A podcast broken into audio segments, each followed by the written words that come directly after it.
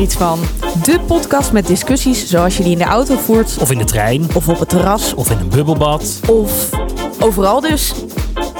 En het gaat over. Over. Over alles eigenlijk.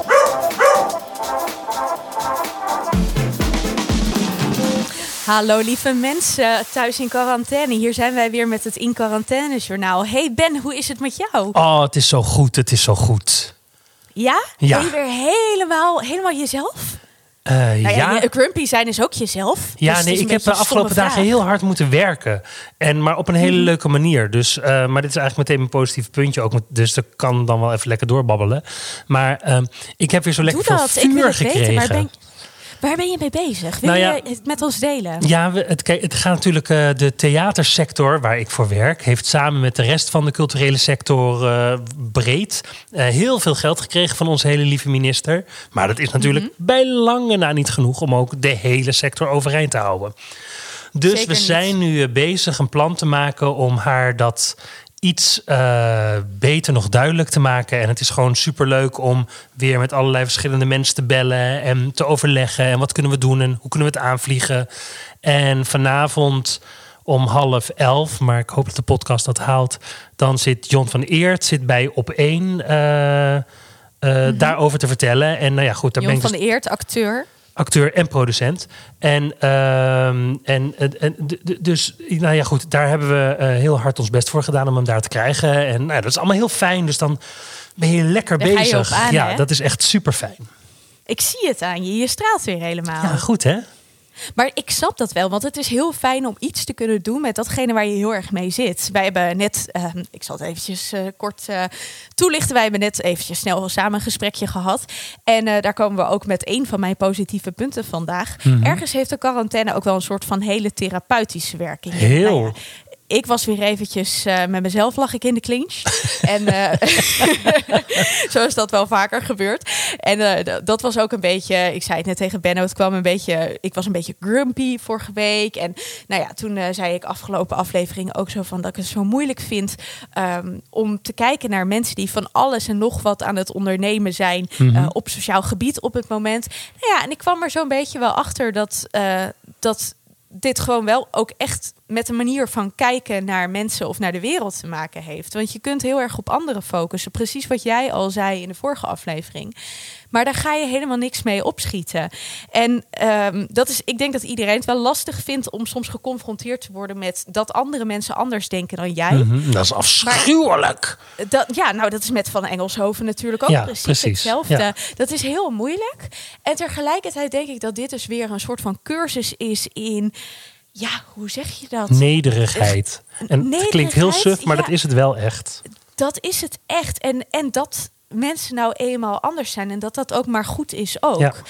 In het boek van Rutger Bregman, volgens mij, en de meeste mensen deugen, staat op een gegeven moment ook van ehm, mensen zijn het enige soort dat een levende soort, zeg maar, Mhm. dat kan samenwerken. Ja. En dat kunnen wij alleen doordat wij allemaal anders zijn. Ja. En toen ik dat las, ondanks dat ik het op dit moment heel moeilijk vind soms om dat ook allemaal echt te geloven, dacht ik wel, ja, dat, dat kan ik me voorstellen. En dat is juist ook wel weer mooi aan het samen. Ja, maar dat eh, is ook zo. Kijk alleen maar naar jou en mij. Hoe wij samenwerken in deze podcast. En wat jij daarin doet en wat ik daarin doe. Ik zou nooit kunnen slash willen doen wat jij doet en andersom. En samen Mhm. kunnen wij dit gewoon helemaal leuk zo voor elkaar krijgen. En dat geldt natuurlijk voor heel veel dingen en voor veel grotere instanties ook.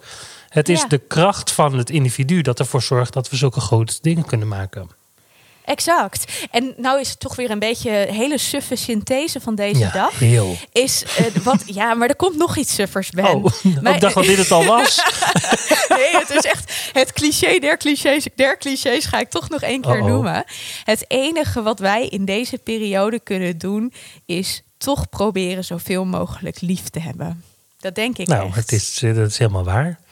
Ja, want dat denk ik toch. Want als ik dan weer kijk, hier naast me op de bank liggen dan mijn lief en mijn hondje. En dan denk ik toch maar weer, god, wat heb ik het goed voor elkaar. Tegenover mij op mijn scherm zit een van de leukste collega's die je maar kan bedenken. En lieve vrienden ooit. No. Eh, ja, nee, maar dat is wel zo. En dan vandaag was ik lekker een brief aan het schrijven naar een goede vriendin van mij. Een andere goede vriendin van mij stond twee dagen geleden op de stoep. En die deed gewoon eventjes zo van... hey, ik eh, kom hier even bananenbrood afleveren... en sprong weer in de auto. Nou, dat soort dingen. Daarvan denk ik... Annemiek, probeer je echt te focussen op het positieve. Daar heeft uiteindelijk iedereen wat aan. Maar hoe leuk is het? Nee, ik, dat is niet, ik begin deze zin opnieuw. Hoe fijn is het dan dat jij gewoon een man hebt en een hond hebt waar je vanavond Ja. weer tegenaan kan kruipen? En dan wil ik dus nu even. Er is laatst een shout-out gedaan door een van onze gasten, Rijn, over eh, Rijn. respect voor eh, ouders in deze situatie. Maar Mhm. laten we het dan even omdraaien. En stel je voor dat je nou in je eentje was geweest, hoe zwaar je het dan wel niet zou kunnen hebben. En Ja. dat je dan inderdaad dat liefhebben nog veel moeilijker kan delen. En dat, ik Ja. doe dus meteen weer even een oproepje, want dat hebben we al een paar keer gedaan, maar er is nog niet echt op gereageerd. Maar ben je alleen? Wil je daarover praten? Deel dat alsjeblieft met ons, want dan kunnen we gewoon even met je bellen. En je kan je aanmelden bij Annemiek. Ik vind hier iets van.nl. En dan kunnen we misschien gewoon even met je babbelen. Want volgens mij is dat inderdaad het allerbelangrijkste. Dat al zit er dan zo'n stom Mhm. televisie of eh laptopschermpje tussen, dat je toch contact met elkaar kan hebben. En wij vinden het leuk om over letterlijk alles te praten. Dus Alles. babbel echt alles. Dus babbel maar gewoon echt een eind los. Wij gaan wel met je mee. Of niet. En vinden misschien iets totaal anders. Maar dat is allemaal oké. Dat is allemaal goed. Weet je wat een ander puntje was waar ik aan dacht? En waar ik het ook even met jou over wil hebben? Nou, Denk jij dat mensen door deze coronacrisis minder vlees gaan eten? Nou, je, je gooit wel een beetje mijn hele, mijn hele plan door de war nu. Want, Oh, eh, sorry. Nee, dat geeft niet. Want Maar ik wil kom ik, gewoon graag je mening weten. Maar ik kom namelijk nu met mijn overlevingstip dan. Dat is een beetje de volgorde door de war. Eh, oh, echt? Ja. Vertel. Ik eh, ben dus sinds deze week aan de krat. En Ja. eh, de krat, dat, eh, die bezorgt eh, bij jou thuis een krat met eten. En daar kan je dan in ons geval drie maaltijden van maken. En dat is echt super fijn, want dan hoef je even niet meer na te denken over wat je moet gaan koken en kopen.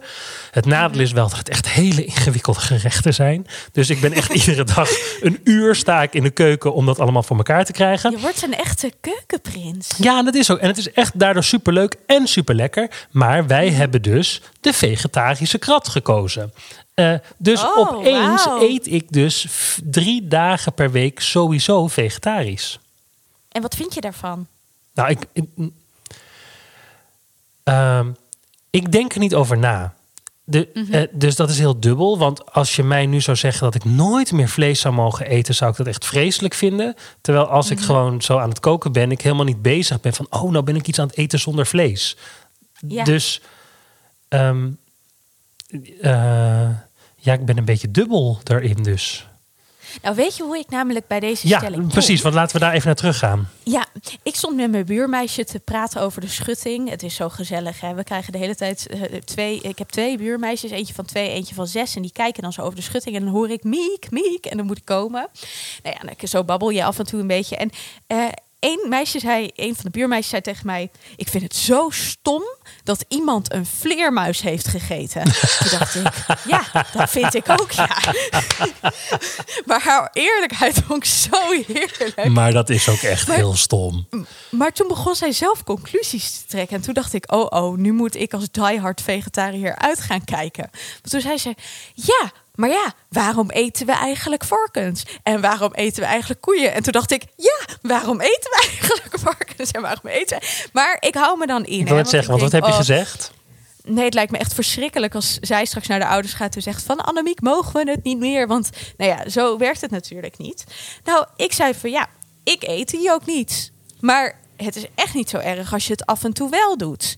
En toen zei ze, ja, wij eten ook niet zoveel vlees meer. Maar af en toe is het wel goed voor me, zegt mijn moeder. En toen zei ik, nou, daar heeft je moeder wel gelijk Ja, in. zeker. En hoewel ik denk ik, als ik een kindje zou hebben, toch mijn kindje ook vegetarisch zou opvoeden, denk ik.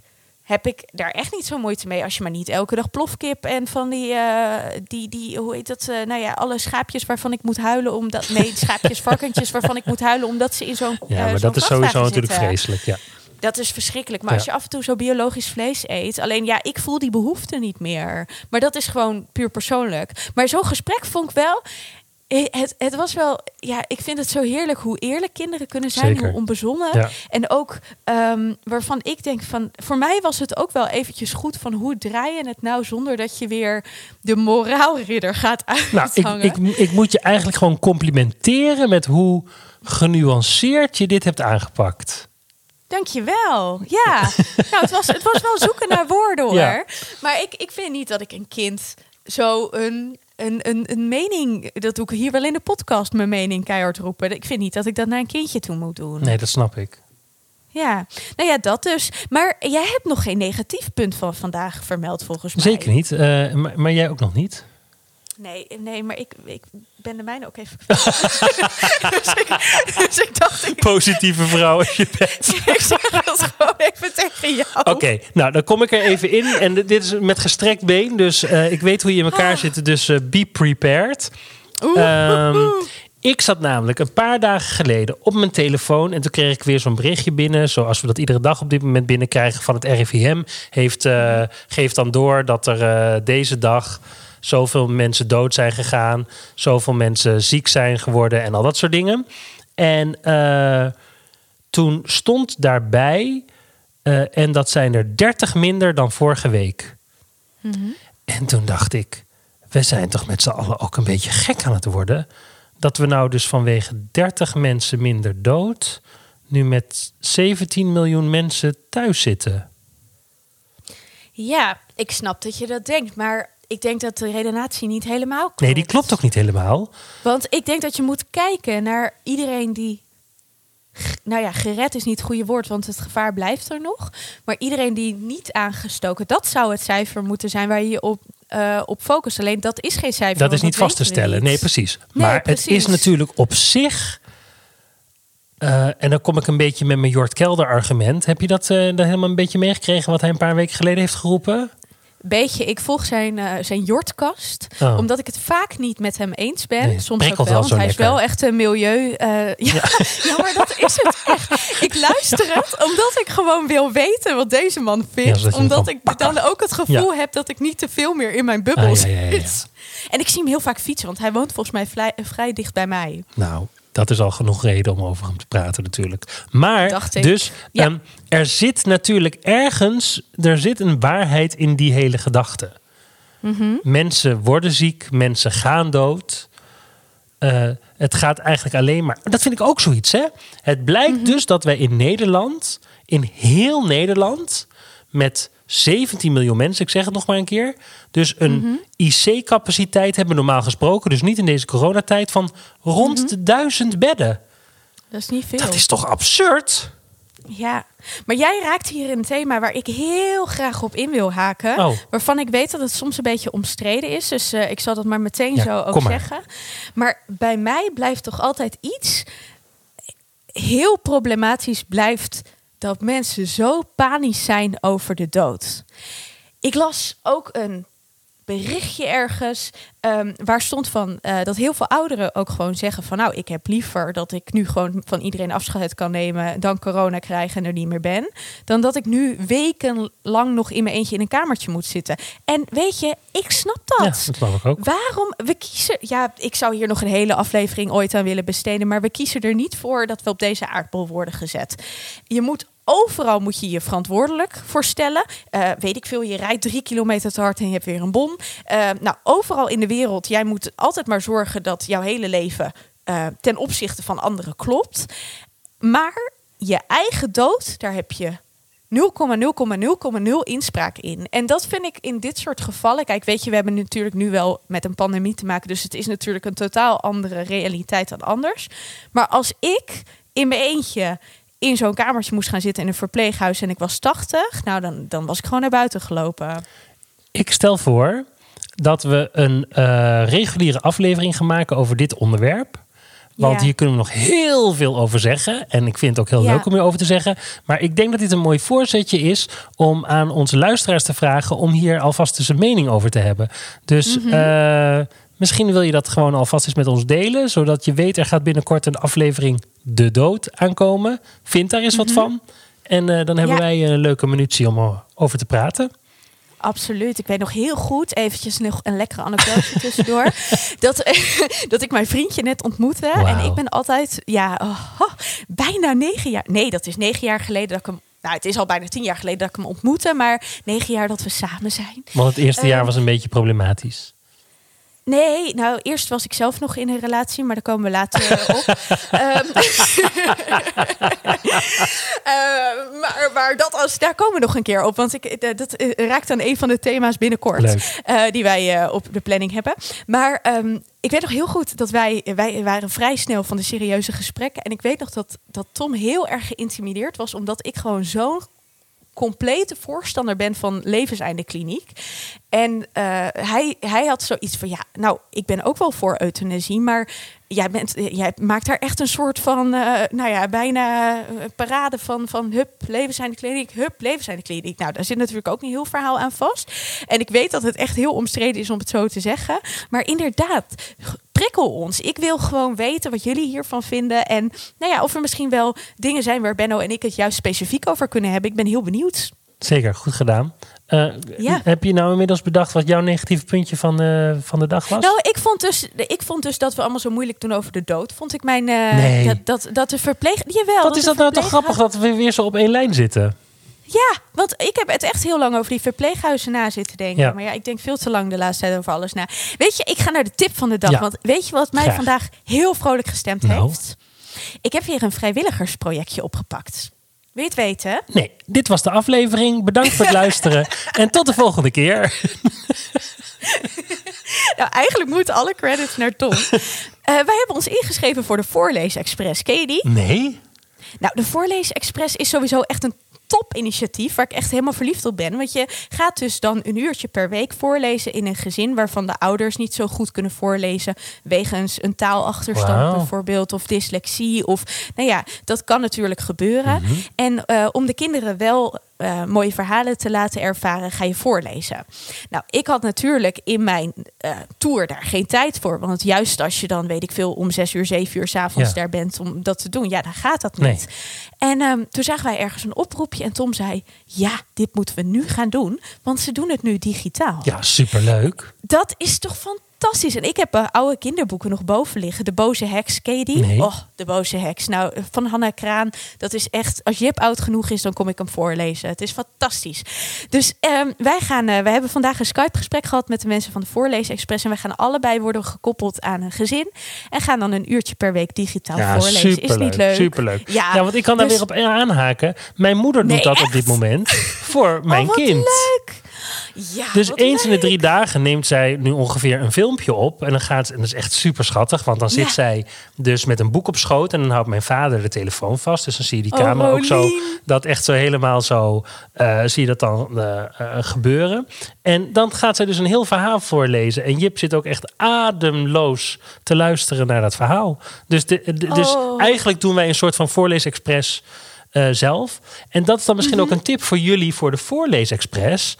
Ehm, Mhm. Je kan dus ook zorgen dat je het niet live altijd doet, waardoor je de Mhm. filmpjes vaker op verschillende plekken kan inzetten.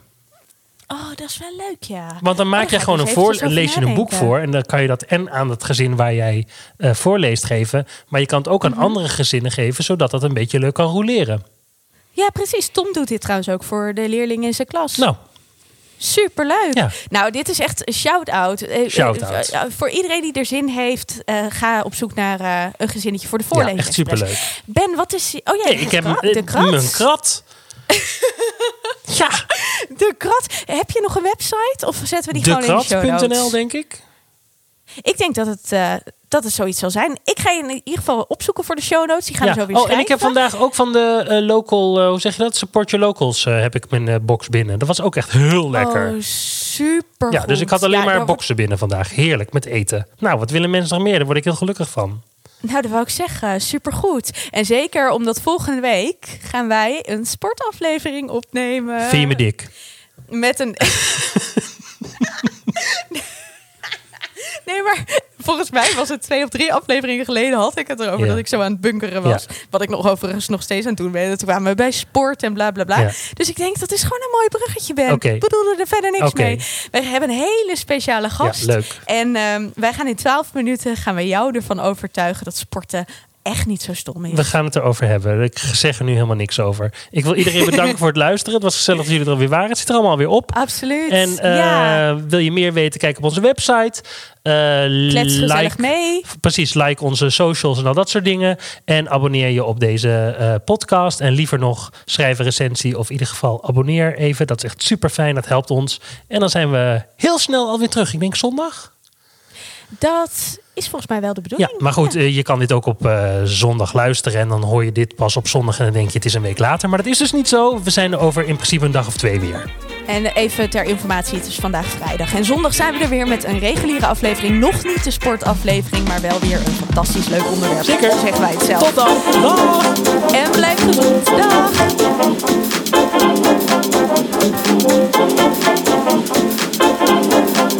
Thank you.